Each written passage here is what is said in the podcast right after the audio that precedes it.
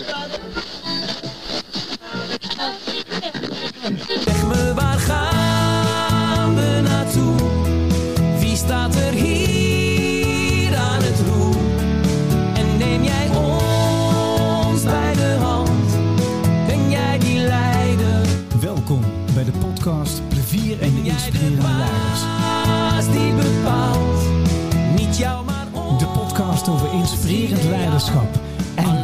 zijn mijn gasten. Luisterend voor. Ben jij? Ja, dit is eh, welkom in eh, serie 6, eh Plevier en de Inspirerende Leiders. Eh, we hebben een mooie transitie doorgemaakt, want we zitten in serie 6. We gaan inmiddels naar de 126 leiders toe. Daar zijn we naar onderweg, die we hebben geïnterviewd. En eh, ja, dit zijn mijn gasten. Ze gaan zich gaan voorstellen, want hier recht tegenover mij, hij wilde even de knop van de recording indrukken. Hij zegt, ik zet hem even uit tussendoor. Eh, maar dat doet Hans altijd, want die doet onverwachte dingen. En daarom vind ik hem ook wel leuk. Hey Hans, eh, vertel eens wie jij bent. Wie ik Kort. ben? Nou ja, niet inspirerend, maar eh, wel een leider met een lange ei. Dus daar beginnen we mee. Mijn naam is Hans Langehuizen, verantwoordelijk voor 1-3. Niet meer en niet minder. En Ja. eh, hobby's? Nee, sorry. Ja, we, gaan, we, gaan, we gaan je eens voorstellen. In ieder geval heel veel humor. En, eh, en een hele eigen eh gereide visie op dingen. En dat is prima. Ehm, aan de andere kant zit ook een hele mooie gast. We hebben elkaar in september, oktober gesproken. Stel jezelf even kort voor. Ik ben Marieke Schoneberg en eh, werk als eh, gynaecoloog en eh, medisch directeur van Nijgeertje en Nijclinics. Ja, ja, dus de twee verschillende dingen. Dus we hebben iemand die verantwoordelijk is voor Birth of Life. En we hebben iemand die verantwoordelijk is voor het financieel Om iemand dood te maken, inderdaad. Zo zou je het kunnen zeggen. Oké. Hey, het doel van de podcast is... eh, we brengen beelden van leiders van nu in, in kaart. De reden daarvoor is dat de wereld is VUCA, vol- Voluntary, Uncertain, Complex Ambiguity. Wat inhoudt dat de wereld snel gaat, onzeker is, onvoorspelbaar, onbeheersbaar is geworden voor volgens velen. Eh, eh, en dat het complex is waar we in zitten. Dus dat vergt goed leiderschap. Maar als je goed leiderschap hebt, je ook helderheid geven. En elke leider doet dat op, zijn eigen manier. Ik doe dat vanuit het perspectief van amplitie. En voor de mensen die denken politie, dat ken ik niet. Nee, het is amplitie. Dat wat komt van Latijn voor versterken, vermeerderen. En wat doe je dan als je in verandering gaat? Dan is het handig dat je resultaten haalt. Want dan, eh, dat zorgt dat eh, je bedrijf en organisatie kan voorbestaan. Aan de andere kant is het ook handig dat je mensen meekrijgt. En eh, amplitie zorgt ervoor dat je het functioneren, het werkgeluk en, en het eh, zingeving van mensen boost. Door ook te focussen op leiderschap, werkinrichting, talentmanagement, bevlogenheid en vitaliteit. Eigenlijk die vijf. En ik probeer daar altijd een leuke ding te maken. Dus eigenlijk is de kern van deze boodschap: wat heeft leiderschap nu nodig? En dat gaan we ontdekken. Hey, ik, ik ga gewoon beginnen met de eerste werkvorm. Dat is de Guilty Pleasure Song. En eh, dit is wel heel leuk, want we krijgen gewoon een Nederlandse auditie van voorstellen. eh, wat, wat prima natuurlijk is. Eh, we gaan gewoon even kijken wie jullie zijn en wat jullie, wat jullie nummers, ja, wat jullie nummers zijn die je hebben voorgedaan. Ik moet even kijken, dan moet ik even de podcast even opsporen natuurlijk, want die had ik net klaargezet. Hij is zijn leesbril kwijt, dat is het probleem. Ik ben mijn ook uit. Ik begin gewoon met jou. Jij hebt gekozen voor Gerard Joling, Ik leef mijn droom. Je had er nog twee andere ook, hè? Ja, Waar, waar, eh, ja, eentje was Nederlands. Was die derde ook Nederlands? zei ik? ja alle drie waren ja, Nederlands. ja. Ja, Heb je iets met Nederlandse muziek? Eh, ja, zeker wel. Als guilty pleasure wel. Of Franstalig, maar eh, allebei wel. Ja, ja. We, nou, en jij stelt jezelf voor, ik, ik leef mijn droom met Gerard Joling. Ja.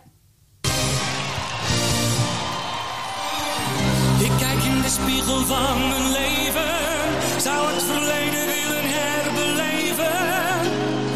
voel dat de wereld naar me lacht.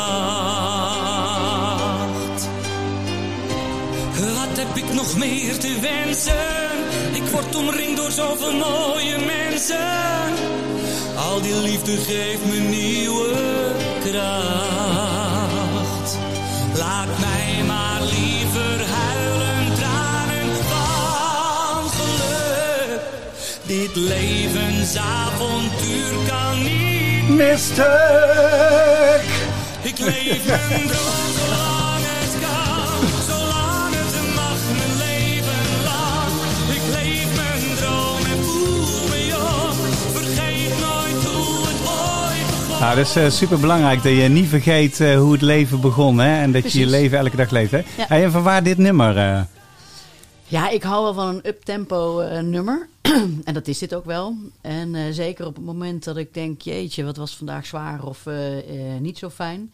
Dan geeft me dit weer de energie om gewoon volledig door te gaan voor de dingen waar ik voor sta. Ja, zeker. Dus En dat- het geeft mij weer energie. Het geeft een boost aan, aan wat Ja. je doet, zeg maar. Hè? Ja. Dus is, een muzie- is in, in die zin muziek ook wel een inspirator om als het moeilijk wordt om even vooruit te, te bewegen. Ja, zeker. Maar ook, eh, dit lied is voor mij ook wel dat ik denk, ja, soms gaat het even niet goed. Maar je mag ook trots zijn op de dingen die wel goed gaan. En eh, probeer ook positief te kijken naar de dingen die nog gaan komen en die je kunt bereiken. Ja, ja. Dus, eh, nou ja, dat Dus- vind ik wel belangrijk. Ja, ja dat is super superlang. Hey, en, jij bent gynaecoloog van oorsprong Ja, en nu klopt. CEO van een organisatie die, die zich daarmee bezighoudt. Want jullie Ja. hebben een hele mooie missie, hè? Ja, onze missie is om iedereen met een kinderwens te helpen. Ja, Eh, en daar dus passende zorg voor te bieden. Ja, Ja. dat klopt. ja. en, eh, en eh, hoe past dit thema van de song bij wat je doet binnen je organisatie? Zit daar nog een link? Nou, als je kijkt naar de patiëntenpopulatie die bij ons komt, zijn het ook wel veel mensen die elders al geweest zijn en een behandeling hebben gehad en niet gelukt is. En daar soms verdrietig over zijn, of nou ja, die kunnen verdrietig zijn of teleurgesteld. En zien niet meer het positieve in wat er wel kan. En wij proberen daar het verschil voor te maken. Dus dat past zeker wel bij dit lied. Ja. Ja, zeker. Ja. Ja. gaaf. Goeie. En, die, ja, en eh, eh, is, eh, is het nog, neemt de bevolking nog heel erg toe eigenlijk? De bevolking, nou... ja, is, is ja, het zo dat mensen nog heel erg een kinderwens hebben eh, eh, in deze nou, tijd? heel eerlijk, het neemt wel iets af. Zeker in deze tijd ook. Maar wat je wel ziet, en dat is ook wel waar wij ons mee bezighouden... ander ouderschap, dus andere vormen van ouderschap. Ja. De man-man koppels met een draagmoeder. Ja. eh, de alleenstaande dames, de transgender. Dus dat is ook wel waarom ik zeg iedereen met een kinderwens. En dat is ook wel waarom dit lied bij mij past. Probeer positief te kijken naar de mogelijkheden. En leef je droom. En kijk wat, is, wat je wil. En hoe kunnen we dat eh, met elkaar eh, bereiken. ja, Op een mooie manier. ja, Maar ook, en daar had ik het net met Hans al heel even over, ook de mensen bij wie het niet lukt, eh, om daar ook op een positieve manier naar te kunnen kijken en af te kunnen sluiten en je leven anders in te kunnen richten. ja.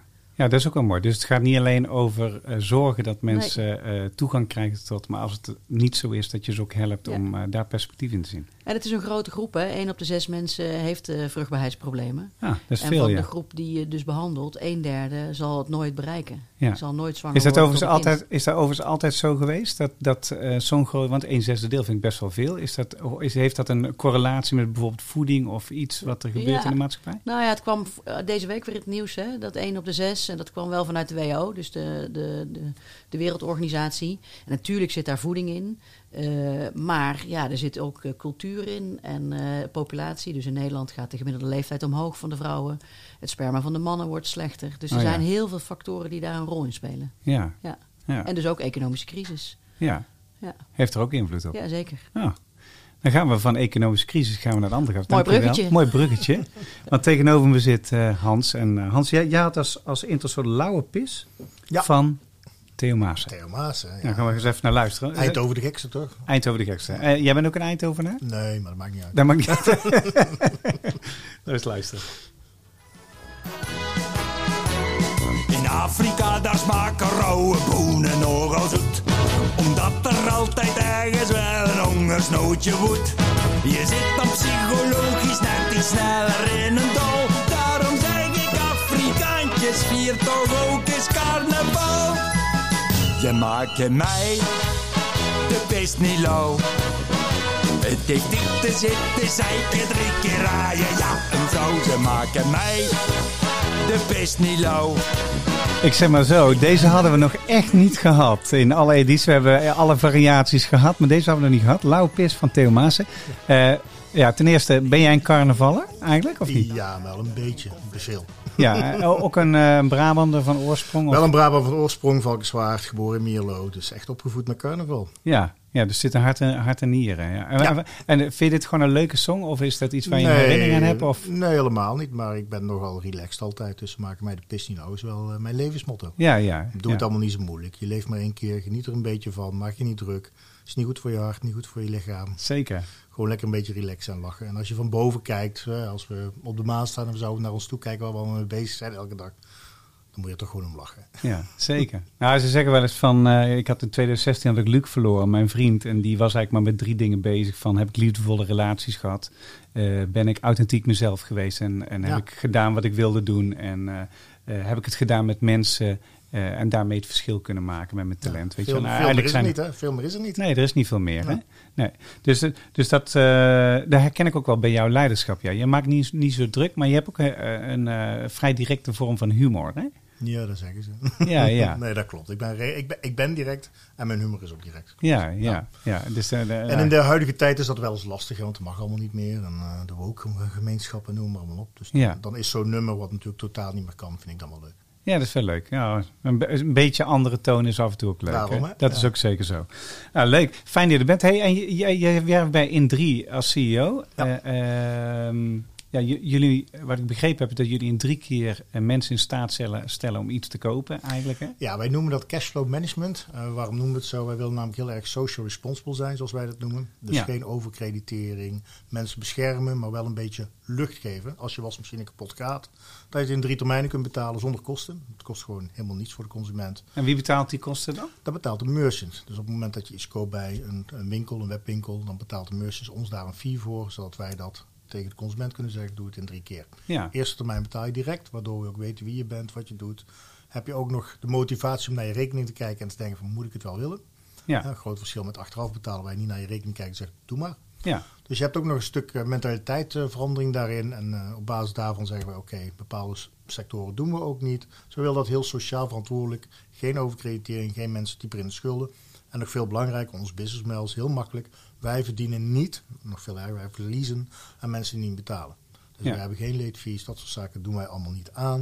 Omdat Nee. wij willen dat het echt een cashflow management is om mensen te helpen. Ja. En niet om verder in de schulden te brengen. Ja, ik kan me voorstellen, want, je, want eh, we gaan daar naar de eerste werk voor, maar ik kan me voorstellen, want bij beide doe je eigenlijk dus iets voor de mensheid om ze eh, eh, het leven iets gemakkelijker te maken of leuker of meer verbindend. Eh, dus dat is al een overeenkomst. Dat is wel een mooi bruggetje naar de eerste werkvorm. De overeenkomstenrace. De overeenkomstenrace. Nou, we gaan niet in een Porsche racen, Hans. eh, maar we gaan wel eh, een soort woordenrace doen, een soort brainstorm. Want ik ga jullie, eh, want jullie zijn verschillende type leiders, ook verschillende type mensen. Maar het doel van deze oefening is, kijk eens in drie minuten tijd. Eh vind eens zoveel mogelijk overeenkomsten met elkaar. Wat je denkt dat je met elkaar overeenkomstig ben, hebt als mens en ook als leider. Dat is het doel van de oefening. Ik ga jullie gewoon eh, in gang zetten. Eén ding is zeker, jullie krijgen van mij de eerste. Dat is, jullie doen er dus allebei iets voor de mensheid. Ja. Nou, belangrijk, denk ik, sowieso. Ehm, nou ja, wel overeenkomst. eh, ik ben 28 keer geopereerd, dus misschien heeft het ook wel een overeenkomst. Nee, nee. Ja, maar nee. het is in ieder geval vaak in ziekenhuizen geweest. Ja, ik heb wel een eigen fertiliteitstraject gehad. Dus eh, wat dat nou. betreft eh, hebben we dan een overeenkomst. nou, ja. kijk. Ook ik heb zo'n traject gehad, heel kort. Dus, eh, dus dat is misschien ook wel Ja, een overeenkomst. ja. Dus, eh, Daar hebben we een overeenkomst, denk ik. Ja. Ja. Ja, Ik denk ook wel de positieve kijk op het leven. Dus eh, met corona dacht ik niet, oh, het gaat allemaal mis met het bedrijf, maar meer, waar kunnen we de mogelijkheden creëren en er zo goed mogelijk naar kijken. Ik denk dat we dat wel als overeenkomst ja. hebben, denk ik. En eh, Gerard Joling is de achterneef van mijn eh, overleden vrouw. Dus dat is sowieso al een overeenkomst. Ja. En Nederlandse muziek. En Nederlandse muziek, ook dat nog. Wat Ja. willen we nog meer? Ja, Carnaval? Of? ja ook. Ook nog, nou Ik kijk. ben ook geboren in Brabant, Ook in Waalwijk. Brabant. Kijk, kijk in Wolk. Dus eh, ja, en daar kom ik nog steeds. Een carnaval in Den Bosch of in Tilburg. Ja, Ja. kijk. Nou, dat is Ja. wel meer overeenkomsten dan je dacht. nee, dat is, dat is zeker. En een stijl van leidinggeven. Wat denken jullie dat jullie eh, samen eh, overeenkomstig hebben? Ik weet mijn eigen stijl nog niet, dus laat staan welke overeenkomsten we hebben. Ja, nee, maar goed, als je hem zou beschrijven, wa- wat, wat is je stijl? Eens kijken of dat, of dat correleert met elkaar op een bepaalde Mijn manier. stijl, eh, open, direct, eh, weten wat je wil, visie, missie en hou eraan vast. En jij? Ja, ook wel. eh, maar ook wel meer eh, bij de mensen zelf te laten. Dus eh, proberen de kwaliteit eh, en de talenten te stimuleren. En mensen zelf daarin mee te laten nemen. Ja, en jij? Doe jij dat ook? Mensen meenemen? Eh, nou ja, ik sta meestal zes meter voor de troepen, zeggen ze altijd. Maar ik geef ze wel heel veel vrijheid, dus ze mogen alles zelf invullen. Alleen ik vergeet het af en toe uitleg te geven wat mijn doel was. Dus dat is wel een dingetje. En ga jij wel eens te snel?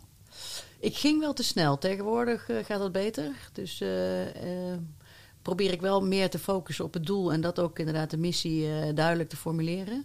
En ze dan eh, ja, daar naartoe te laten groeien. Ja. Niet, niet slaan. Nee, maar wat jij net aangaf, het is natuurlijk wel lastig in de tegenwoordige tijd. Hè? Je wil niet eh, te direct zijn en niet te concreet. En eh, want dan wordt het onveilig. Maar ja, je hebt ook verantwoordelijkheden. Dus dat is wel een spanningsveld. Ja, jullie hebben nog één overeenkomst meer.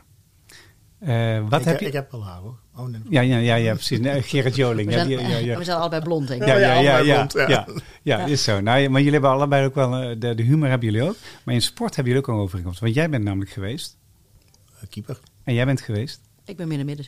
Oh, midden, midden. Ja, Oh, hockey. oh, en spits. hockey. Oh, ja. Spits en eh, spelverdeler. Ja, Ah, allebei sportief of, of Eh, ja, ik was sportief. Ik ben hypermobiel, dus ik mag nooit meer sporten. Maar ik was heel sportief, ja. was heel sportief. En jij? Ja, ik ben nog sportief, maar de leeftijd eh, geeft wat kwaaltjes. eh, maar eh, als ik even kan, dan, dan ga ik graag nog hockey en tennissen. Ja. Ja, ja, oké. Even kijken, leeftijd. Hoe oud ben jij? Poeh, 51. En jij? 47. 47. Oh, ligt redelijk bij elkaar, hè? Hey, wat is het kenmerk van de generatie waar jullie uitkomen? Eh 57, 47, 51, een beetje in dezelfde leeftijd, hè? Dus 74 volgens mij, hè? Ja, en... eh 71. 71, ja, ligt vrij dicht bij elkaar. Maar waar hebben jullie meegekregen uit je jeugd, zeg maar, als belangrijkste indicator? Is de belangrijkste indicator. Ja, als je zou zeggen van nou, als, als ik nou, ja, maar je krijgt altijd dingen mee, hè. Maar ze zeggen wel eens van in de jeugd, zeg maar, waar, waar je uitkomt, de eerste jaren van je leven, dat is echt wel een imprinting van over hoe je ongeveer gaat zijn. Ik heb ooit een keer een reunie gehad in Sint-Toederode toen ik 50 werd. Ja, er was er geen eentje veranderd. Geen één. In temperament waren al die mensen hetzelfde. Ze hadden van alles meegemaakt, maar eh, eh, temperament klopte nog steeds. Nou, ik denk wel dat ik heb meegekregen dat eh, als je ergens voor in wil zetten en je zet je ervoor in, dat je daar ook kunt komen. Eh, maar dat je dat ook wel zelf moet doen. Ja, en jij? Heb eh, lol in je leven. Het is maar kort.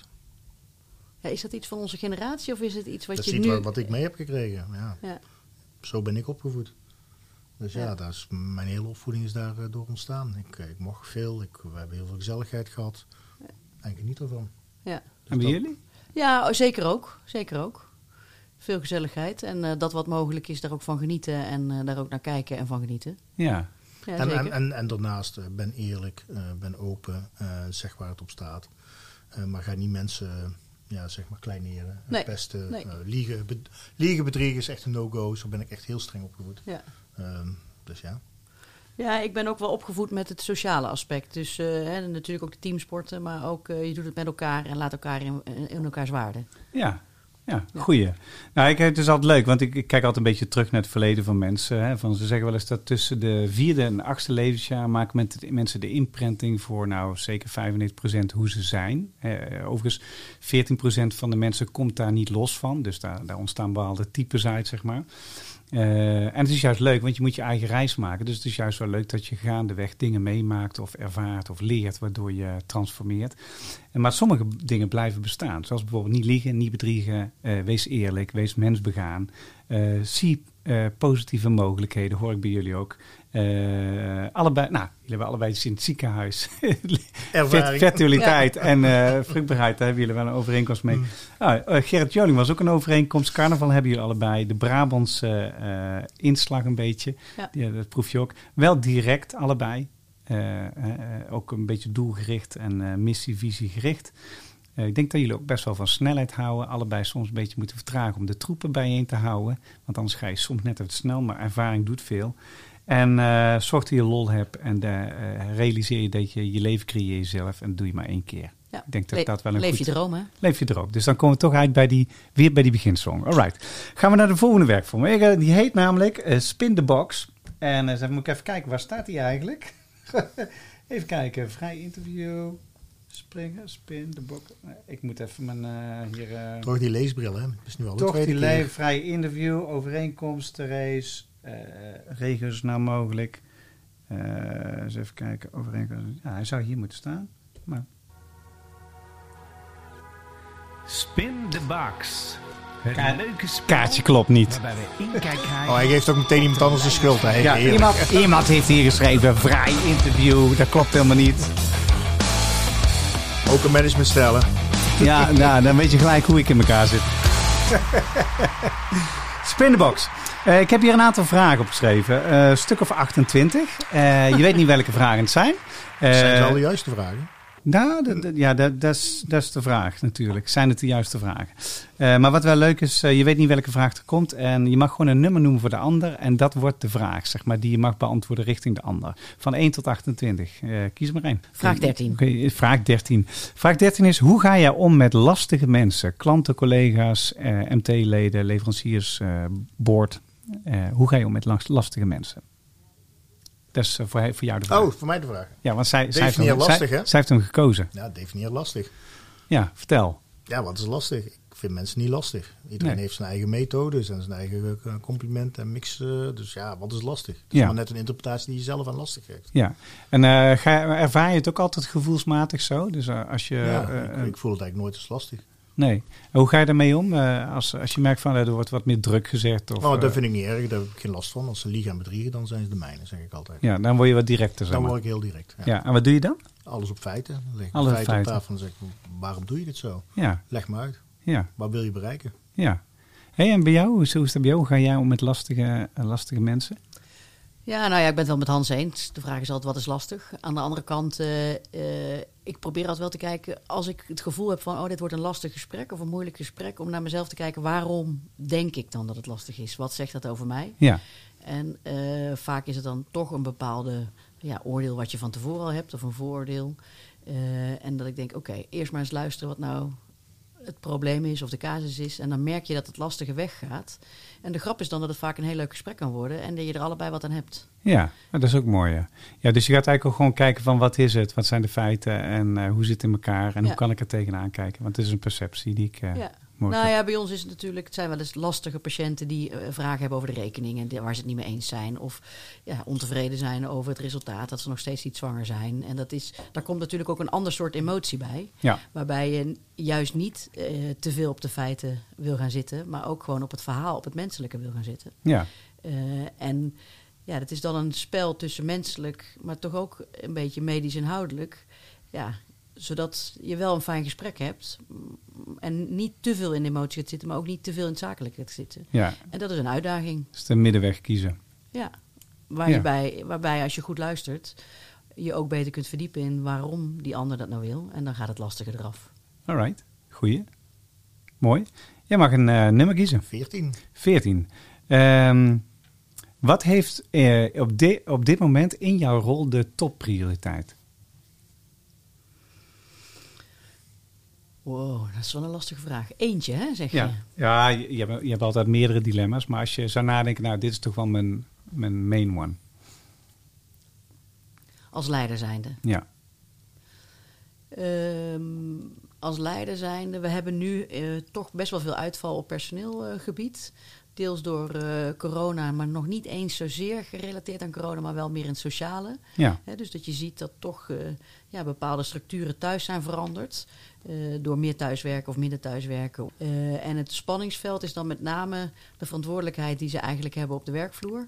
Versus de problemen thuis, die dan eigenlijk niet werkgerelateerd zijn, maar wel een impact hebben op het werk. ja, En hoe je dat nu goed kunt begeleiden, zodat ze eigenlijk op beide gebieden weer terugkomen op de werkvloer en in hun privé weer oké zijn. ja. eh, en die scheiding tussen werk en privé is tegenwoordig, die is er eigenlijk niet meer. hè? Ga je lekker Nee. op je werk, ga je lekker op privé. Ga je privé ja, als je Ja. eh, goed op je privé gaat, ga je vaak ook wel lekker op je werk, zeggen ze altijd.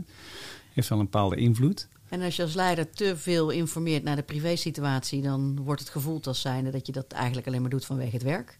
Ja, Terwijl je ook weet dat iemand gelukkig thui- thuis is, zijn ze ook gelukkig op het werk. Dus het- dat vind ik wel een eh, lastig spanningsveld. ja, ja. En jij Jan, eh, wat is bij jou jouw topprioriteit Mijn topprioriteit op dit moment? om het bedrijf naar het volgende niveau te brengen. Ja, Ja, en- natuurlijk van een start-up naar een scale-up. Dus nu moeten we naar een eh, echte business gaan. Ja, Echte business, ja. ja. En, vind je het leuk om te doen, dat, eh, die stappen te maken? Wat, wat vind je eigenlijk van, van want hey, je, je hebt meerdere van dit soort dingen gedaan. Eh, met, eh, en, en de fase waar je nou in zit, je gaat van start-up naar scale. Wat vind je eigenlijk de leukste fase eh, van, van, van dat traject waar je De in leukste gaat? fase is gewoon de start-up naar scale-up brengen. Op het moment dat de scale-up er is, dan ben je meer een echt bedrijf, noem ik het maar even, met processen en noem het maar allemaal op. En dan wordt mijn inbreng wordt wel minder, zeg ik altijd. Ja, Dan heb je de contracten, dan weet je waar je naartoe gaat. Je missie, je visie is eigenlijk volbracht. En dan moet je het eigenlijk uit gaan melken. En dat uitmelken is niet mijn core competentie, zal ik net Nee, zeggen. maar dat vind ik ook wel eh, knap aan Hans, die vertelde van, eh, want jij, je bent in transitie. Hij zei, je, je zei pas leed tegen van, nou, ik moet eigenlijk zorgen dat ik gewoon onmisbaar word. En dat word ik ook. Dus Ja. ik heb een, dead, een soort eh, ja, een deadline voor mezelf gezet tot Ja. dan. En dan is het En voor dan- mij genoeg en dan ga ik verder. Ja. Dat vind ik knap. Ja, dus dan zijn ze of mij zat of ben ik hun zat. Dus ja, dus Ja, oh ja, logisch ja, gevolg. dat is een logisch gevolg. Ja, dat kan ook. Oké, je mag een nummer noemen. Eh, Dankjewel. 21. 21. Eh, eens even kijken. Ehm, als jij een ehm, idee hebt, Hans, eh, hoe geef je prioriteit aan je idee? Hoe doe je dat richting je mensen? Nou, eerst, eh, eerst hou ik het voor mezelf, omdat ik denk van ik moet er nou eens goed over nadenken. Een idee is leuk, maar laten we het eens toetsen. Ja, En op het moment dat ik denk dat het goed is, dan ga ik dat niet idee op tafel gooien. Dit is mijn idee. Dan is het meer van, ik probeer ze een beetje ergens naartoe te sturen. ja, Ik probeer hun idee te laten maken, zodat ze er ook voor gaan werken en voor gaan lopen. Want als het mijn idee is, dan wordt dat lastig om mensen mee te krijgen. ja, Zo proberen we dat een beetje te sturen. Ja. En vaak hebben we ook inbreng waardoor het idee misschien iets meer naar links of naar rechts gaat, waardoor het een veel beter idee wordt. Nou, Ja. Super. ja, dat is super. Ja. Ja, dan, want dan is het aanvullend Ja. eh talent Ja, en, maar heb je ze ook meteen mee in het idee. En in plaats van dat ze tegen het idee gaan zitten. Ja, ja. Ja, en in jouw stijl, wat ik gemerkt heb, hè, ook in, eh, in relatie tot eh, je co-directeur Nick, zeg maar, is dat je mensen ook stimuleert om next steps Ja, te nemen. ja, ook, als het, ook als het uitdagend is van. Een failure is geen failure, dan heb je weer iets geleerd. Dus eh, lekker gaat het gaan. gaaf. En, en hoe is het bij jou? Wat, wat, wat is, hoe geef jij prioriteit aan ideeën die je hebt? Nou, meestal laat ik een eh, ballonnetje op. Dus eh, meestal drop ik mijn idee ergens een keer. En dat doe ik een paar keer. Zonder daar heel duidelijk een tijd aan te geven. Dus een tijdtas. Ehm, en nou ja, dan is het tweede ballonnetje daarna een keer eh, urgentie erbij. Waarom zou ik dit willen? En wat zouden we als bedrijf daarmee willen? Ja, nou ja, dan merk je dat de cultuur er al wat positiever voor staat. En dan kan ik de concrete stappen maken. En dan kunnen mensen ook zeggen van... nou, ik vind het eigenlijk wel een leuk idee. Ik wil daarbij instappen. ja, Eh, en dan gaat het veel meer leven en ook beter landen. ja. Ik zag gisteren zat, eh, was Mark Lammers, de hockeycoach, was voor mij. Die heeft altijd een verhaal over de winnende teams. eh, hoe die die meiden naar de winnende team heeft gehad en zijn filosofie erachter. En hij zei, hij zei eh, gisteren zei hij van kom mooi, hij zegt achter elk struikelbord ligt een schatkist. Hij zegt ik heb geleerd om die schatkist te zien. Hoe groter het struikelbord, des te meer ik eh, er zin in heb om er aan te pakken. En toen vertelde hij dat hij, eh, ehm, eh, hij kreeg een tip van iemand en eh er was dat hij... ehm, die had tegen me gezegd van luister, als eh, mensen eh, in bloedje heet 41 graden gaan hockeyen, dan raken hun lichamen raken oververhit. Wist je dat het helpt als je ze in een koelbad zet, dat dat, eh, ja, dat dat helpt om mensen sneller te recoveren? Dus eh, hij, hij dacht van, ah, nou, nou, dan gaan we dat eh, inzetten. Dus hij stelde het voor, zijn hele team was er tegen. Dus alle hockeyers waren tegen, niemand zag het zitten. Totdat hij bij Ankie van Grunsven was geweest, de, de paardenvrouw. Want die deed nou drie keer per dag haar paard in zo'n eh, in eh, of ja, in zo'n bad. En daardoor kon ze drie keer per dag ook trainen. Versus eh, de andere die konden maar twee keer, waardoor zij wereldkampioen werd. En toen heeft, ze, heeft hij Ankie een presentatie laten geven voor het hockeyteam. En toen, toen raakten mensen wel van, oh, dus dat werkt? Oh, dan moeten we het misschien toch maar eens proberen. En dan had hij een filmpje van de eerste keer dat mensen erin gingen. Gewoon geniaal. Ja, leuk, geniaal. hè? Ja, dus dan, maar, maar het is leuk om mensen erbij te betrekken. Maar soms Ja. kom je ook wel eens te- tegen dat mensen het plan niet zo zitten. Ondanks dat je denkt van, eh, weet je wat, het is een goed plan en vul eens aan. Hè? Want je hebt altijd mensen die een beetje tegen bewegen. Hoe doen jullie dat? Ja, nou ja.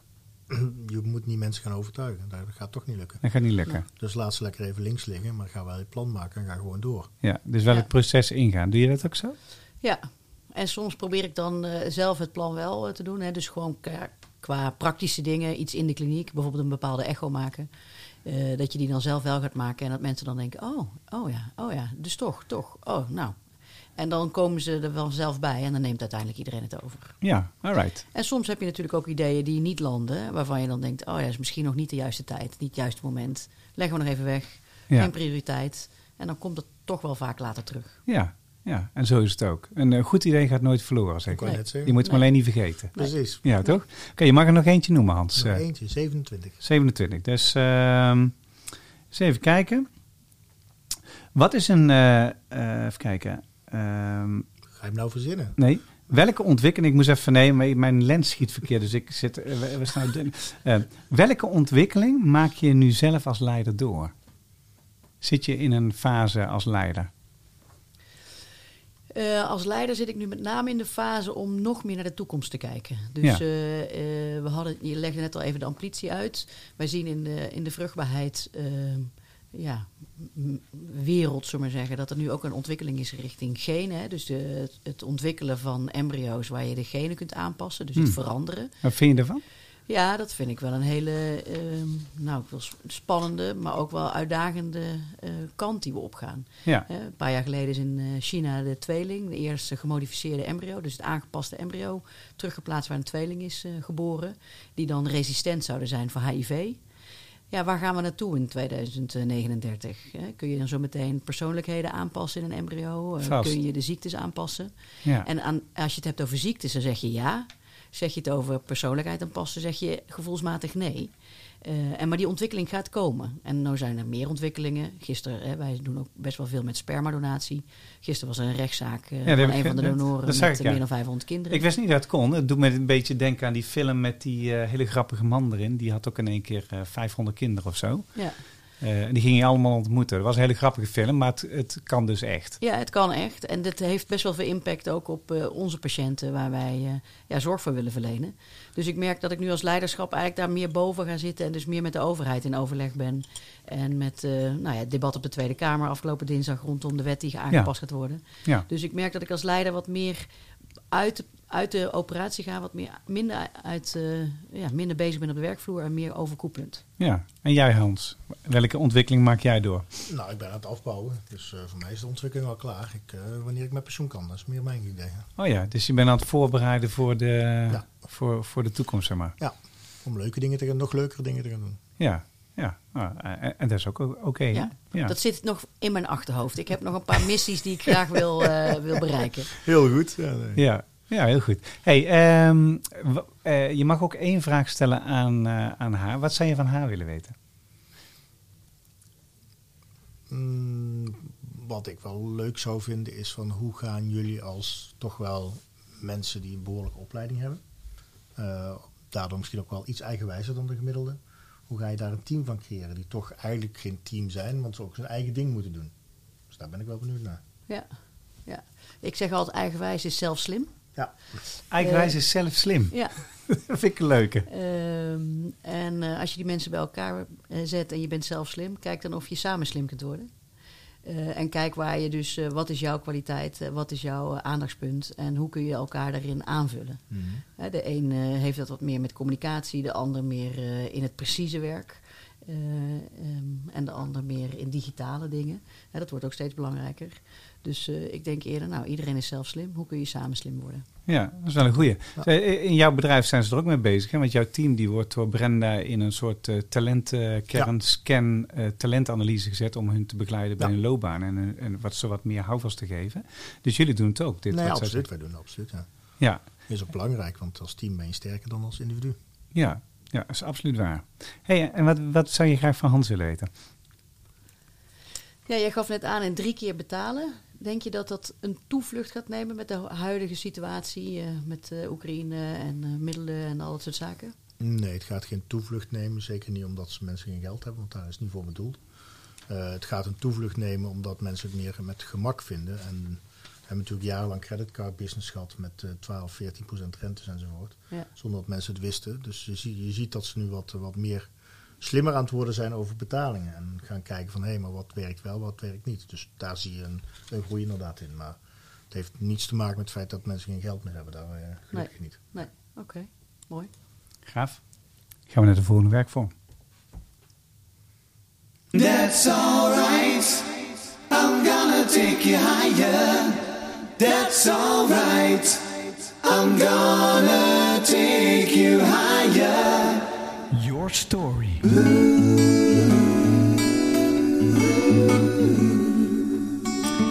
Your story. Ik ben een grote Queen-fan en toen kwam ik, werd ik s'morgens wakker een keer. Toen dacht ik, ga Queen-koortjes opnemen. Eens kijken hoe dat klinkt. Nou, zo kwam ik tot uh, dit uh, gebeuren. je moet wat met het ja, leven. Smaak, smaak moet je niet om twisten. Nee, nou, zo is het. Hè. Smaak valt niet over te twisten. Nee. nee, maar dat hebben we gezien bij de, de beginsong, Hans. Daarom, ik. Hè. Hey, um, uh, je mag eens jouw verhaal vertellen, want ik ben ook benieuwd naar... nou, we, we, zitten in een, een podcast over inspirerende leiders. Een eh, eh, goed leiderschap of leiderschap in algemene zin. Hun kijk op het leven nu. Je mag eens vertellen wat jij belangrijk vindt om te vertellen over leiderschap. Van wat vind jij belangrijk eh, aan de luisteraar om mee te geven in leiderschap? Mag ben jij bij op beginnen?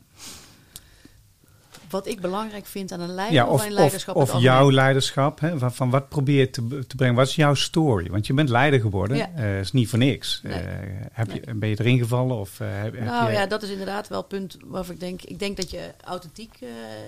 dat dat authenticiteit eigenlijk het belangrijkste is. Kabeltje valt weer even. Ja, is Ja. goed zo? Ehm, en ik ben er inderdaad ingevallen. Dus ik heb nooit vroeger bedacht van... nou, ik ga een leider worden of ik ga een bedrijf leiden of ik ga dit doen. Het is meer organisch ontstaan of gevraagd. ja. Eh, maar het voelde altijd wel eh, oké. Dus eh, ik denk dat als je bij jezelf blijft, authentiek blijft... en daarin dat dat je basis is... dat je dan een goede leider zou kunnen worden. ja, ja. En ik, ik zie wel, ik bedoel, ik ben nu 47... ik ben nu echt wel een ander soort leider dan tien jaar geleden. Ja, en waar zit het verschil, zeg maar? Minder gehaast. Eh, meer eh, luisteren naar de ander, de informatie ophalen.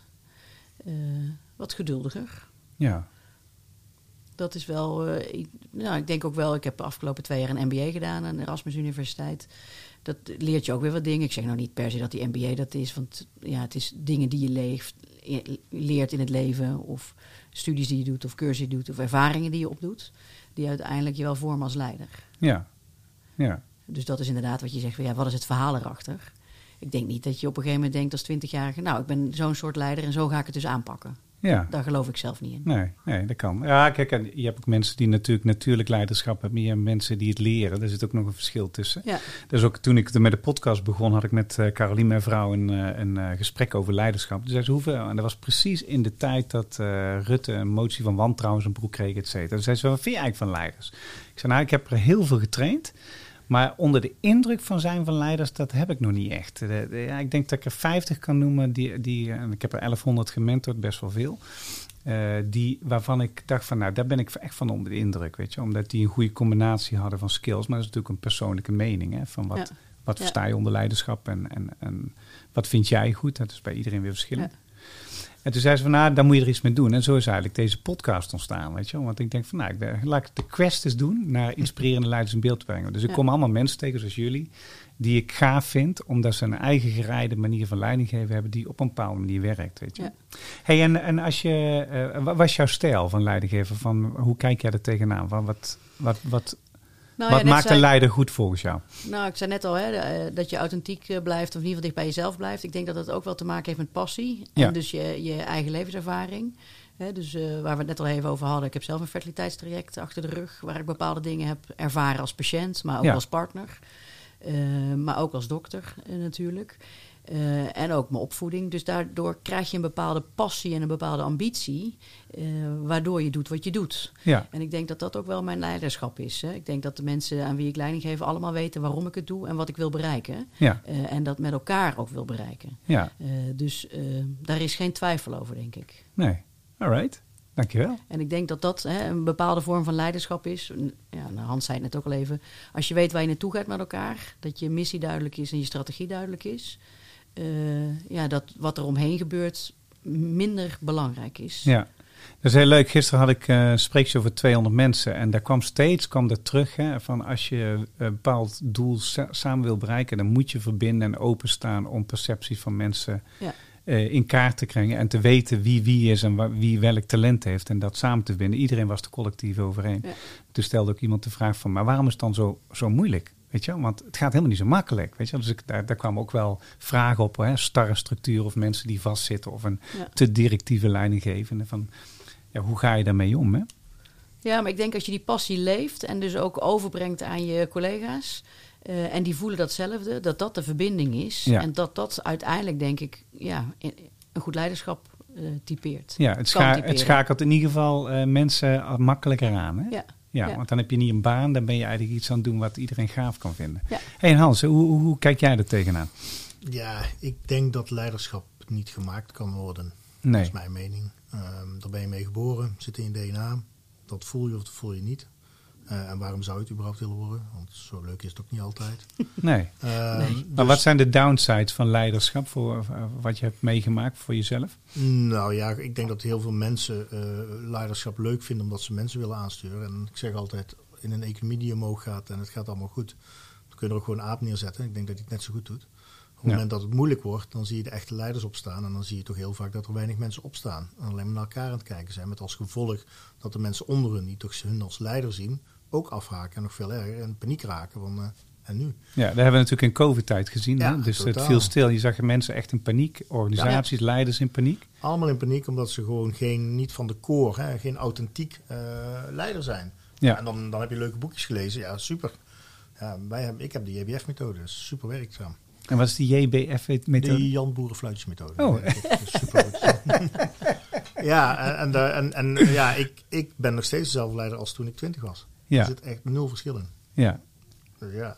ja, En take it or leave it, want ik werk ook niet bij alle organisaties. ja, Dat is ook heel simpel. Je hebt bepaalde leiderschapstijlen die in bepaalde organisaties goed werken. ja, En andere totaal niet. ja. Nou, ik werk in heel veel organisaties niet en een aantal wel. Nou, Ja. Weet dat Ja. ook gewoon. Ja, ja, gaaf. Als je, als je hè, want jij zegt van, eh, eh, ja, leiderschap zit in je. je eh, een, natuurlijke leider is makkelijker dan dat je het uit een boekje haalt of leert op een school. Ja. We hebben wel heel veel leiders in Nederland die VWO, gymnasium geschoold zijn, universitair gaan doen, MBT, M, MB, MBI, Ja. ik zei MBTI, MBA hebben gedaan. En dan vervolgens dan hebben ze business school of ze hebben, wat hebben ze allemaal gestudeerd? Economie, politieke, Alles, politicologie. Hebben ze allemaal gedaan. Soms ook een beetje culturele antropologie. Eh, en soms zijn het specialisten. Maar eh, mensen aansturen of een organisatie sturen, dat is toch natuurlijk even een heel andere... Ja, Ja. En, dan- moet in je DNA zitten. Anders moet je het niet doen. Nou, dat Dat- geloof dat- ik ook wel. Trucken Ja. kun je niet leren. Naar mijn mening Nee. kun je trucken niet leren. Nee. Nee. Nee. Ja. Je kunt het wel bijschaven, denk ik. Met Absoluut. Je, kunt, je, je scherpe randjes kun je eraf halen, maar, Ja. maar meer ook niet. Nee, Gaaf. nee. Oké, eens. laatste werkvorm.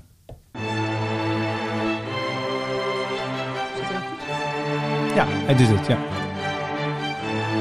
Ja, we schakelen af en toe met eh, het kabeltje. Mijn vraag voor jou. Mijn vraag voor jou. Ik vind het altijd leuk om eh, Door de muziek heen te praten. door de muziek heen te praten. Heel, heel juist, Hans.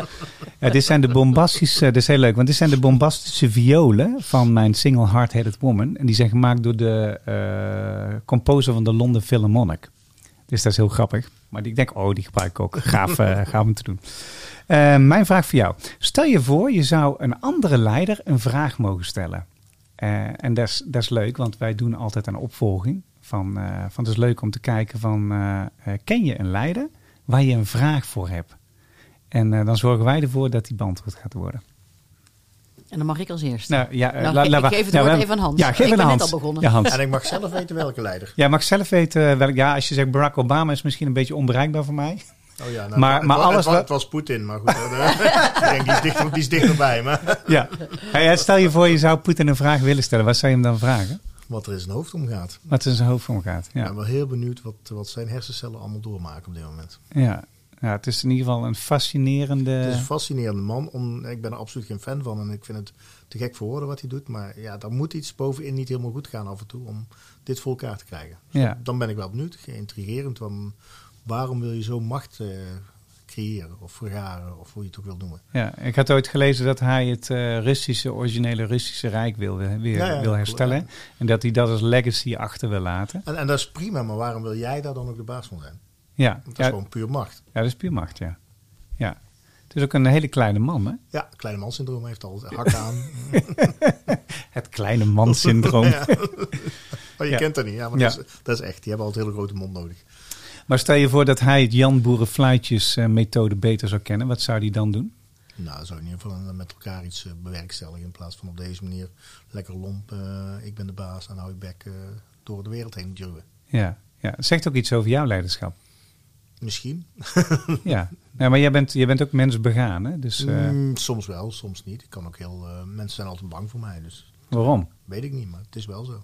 Ja, apart. apart. hè. Ja, ik heb dat niet. Nee, en als ze me beter leren kennen, dan denken ze, oh, oh, waarom ben ik eigenlijk bang geweest? Ja, Ja. dat weet ik ook niet. Maar Ja. mijn, mijn uiterlijk, ik kan heel direct zijn. Ik ben natuurlijk heel to the point. Ja, dat vinden mensen lastig. Ja, Ik draai er niet omheen. nee. Ja, dat is, dat is, dat is heel duidelijk. hey, en dan stel je voor dat we een bereikbaar iemand zouden vragen. Wie zou je dan een vraag willen stellen? Ja, eigenlijk niemand. Niemand. Nee, ik zou niet weten waarom. All right. Helemaal goed. Ja. En jij? Ja, ik zit wat kleiner of wat eh, dichterbij misschien. Eh, ik zou wel een vraag hebben voor Ernst Kuipers, minister eh, van Volksgezondheid. Ehm, maar welke eh, vraag precies, eh, dat is dan wel weer een lastige. Eh, maar wat mij gewoon heel erg bezighoudt is hoe krijgen we Nederland zorgtechnisch gewoon in goede banen de aankomende jaren. En dat is natuurlijk een hele brede vraag. Dat is een hele brede vraag, ja. Eh, maar, eh, maar niet onbereikbaar. Nee, maar je ziet natuurlijk de, hè, de loonkosten gaan omhoog. eh, De, de zorg neemt nog steeds in omvang toe. De kosten gaan ook omhoog. Hoe gaan we dit, hoe gaan we dit bewerkstelligen voor de toekomst? Eh, en dat we ook voldoende mensen gewoon eh, op de werkvloer houden om alle zorg te kunnen verlenen. Ja. Hè, we weten dat de, be- de bevolking groeit, in ieder geval in eh, vergrijzing. Dus, en we willen mensen meer en lang, langer thuis houden. Maar wie gaat dat werk doen? Hoe gaan we dat met elkaar rondkrijgen? Ja. ja, er zijn natuurlijk heel veel ontwikkelingen op robotisering en AI en dat soort dingen. Dus dat, dat gaat, hè, 300 miljoen banen gaan er door AI ver- verdwijnen, hebben ze gezegd. Hè, van, eh, van de advocaat, zeg maar, die, eh, die een case voorbereidt en kon declareren. Dat kan in de toekomst niet meer, want je hebt gewoon eh, AI, die zoekt dat gewoon in 10 seconden uit. Ja. Jurisprudentie, hè, waar advocaten vier dagen over doen. Dan hebben ze alleen nog maar de case van het voeren van de zaak bijvoorbeeld. Ja. Accountancykantoren, uh, nou, je hebt zoveel categorieën. Programmeurs, content eerst- creators. Laten we eerst proberen om de keten niet marge op marge stapeling te doen. Ik denk dat we dan al heel wat eh, kosten gaan besparen en dat kunnen gebruiken voor innovatie. Maar Ja. Ja. en wat bedoel je daarmee? Eh, De verzekering verdient geld, het ziekenhuis moet verdienen, de, de, de ingehuurde ZZP'er moet verdienen, noem het maar allemaal op. Het is echt Ja. ongelooflijk wat marge op marge op marge is. Als je echt naar de hele keten kijkt, hè, van buitenaf, als ik dat zie, dan denk ik van... Als wij dit commercieel zo zouden stapelen, zouden wij geen cent meer verdienen. Ja. Ja. Interessante visie. Ja, ik denk dat ook eh, de, de focus ook anders moet. Hè? Want eh, de wereldbevolking groeit, dat kan eigenlijk helemaal niet meer. Hè? We gaan naar 8, 9 miljard eh, mensen, las ik. Eh, hoe gaan ze die mensen voeden? Dat is natuurlijk al een vraag op zich. Dat is ook een filosofisch dilemma. Want moet iedereen eh, maar onbeperkt ouder worden? Weet je, Mhm. dat, is een, dat is een filosofische vraag. Weet je? Daar gaan we het antwoord denk ik ook niet op Niet? krijgen. Nee, maar dat is wel een beetje wat Hans ook zegt. eh, hè, dat stapelen en eh, het, het wat meer financieel zakelijk kijken naar de zorg. Eh, wat qua met medicatie, qua verlenging van leven. Ja, dat is heel onpopulair om daarover te beginnen. Maar ja, ook daar zou ik wel eens het gesprek over willen aangaan. Ja, gaaf. Nou, we gaan eens kijken of ik Ernst Kuiper op de loop kan krijgen. Want ik heb wat eh, mensen in de Tweede Kamer die ik ken. Dus dan ga ik eens even uh, ga eens lobbyen. Dat komt vast goed. Hey, heb je nog een toevoeging, Hans? Wil je nog iets toevoegen aan het gesprek? Aan het gesprek. Ja, ik zou de volgende keer wel een leesbril meenemen, maar verder... eh, Ja, ja dankjewel. ja, ik heb zachte lenzen. Die werken niet altijd even goed. Dat had ik al gemerkt. Dankjewel. ja, maar het heeft ook een charme, zeg ik Daarom, altijd maar zo. daarom. Ja, toch? En jij? Heb jij nog iets wat je wilt toevoegen voor de luisteraar? Nee, ik Ja. denk dat eh, veel dingen wel besproken zijn vandaag. Ja, denk Ja. ik ook. Nou, mooie leiders. eh, allebei direct Brabants eh, to the point. Ik denk ook dat jullie strategisch gewoon heel goed zijn in wat jullie doen. Allebei een eigen manier van leiding geven die ja, mensen in staat staat om het beste uit zichzelf te halen. Ik merk ook allebei teamgericht. Hè, je kan niet zonder zelfinzicht mensen in beweging krijgen. Mensen moeten gemotiveerd zijn.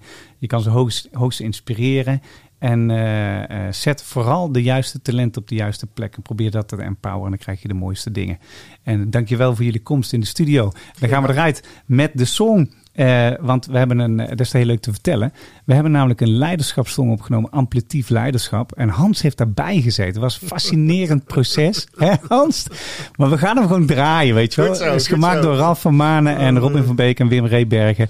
Eh, het heet Ben jij die leider? En dan moet je maar eens luisteren, gewoon een superleuke song.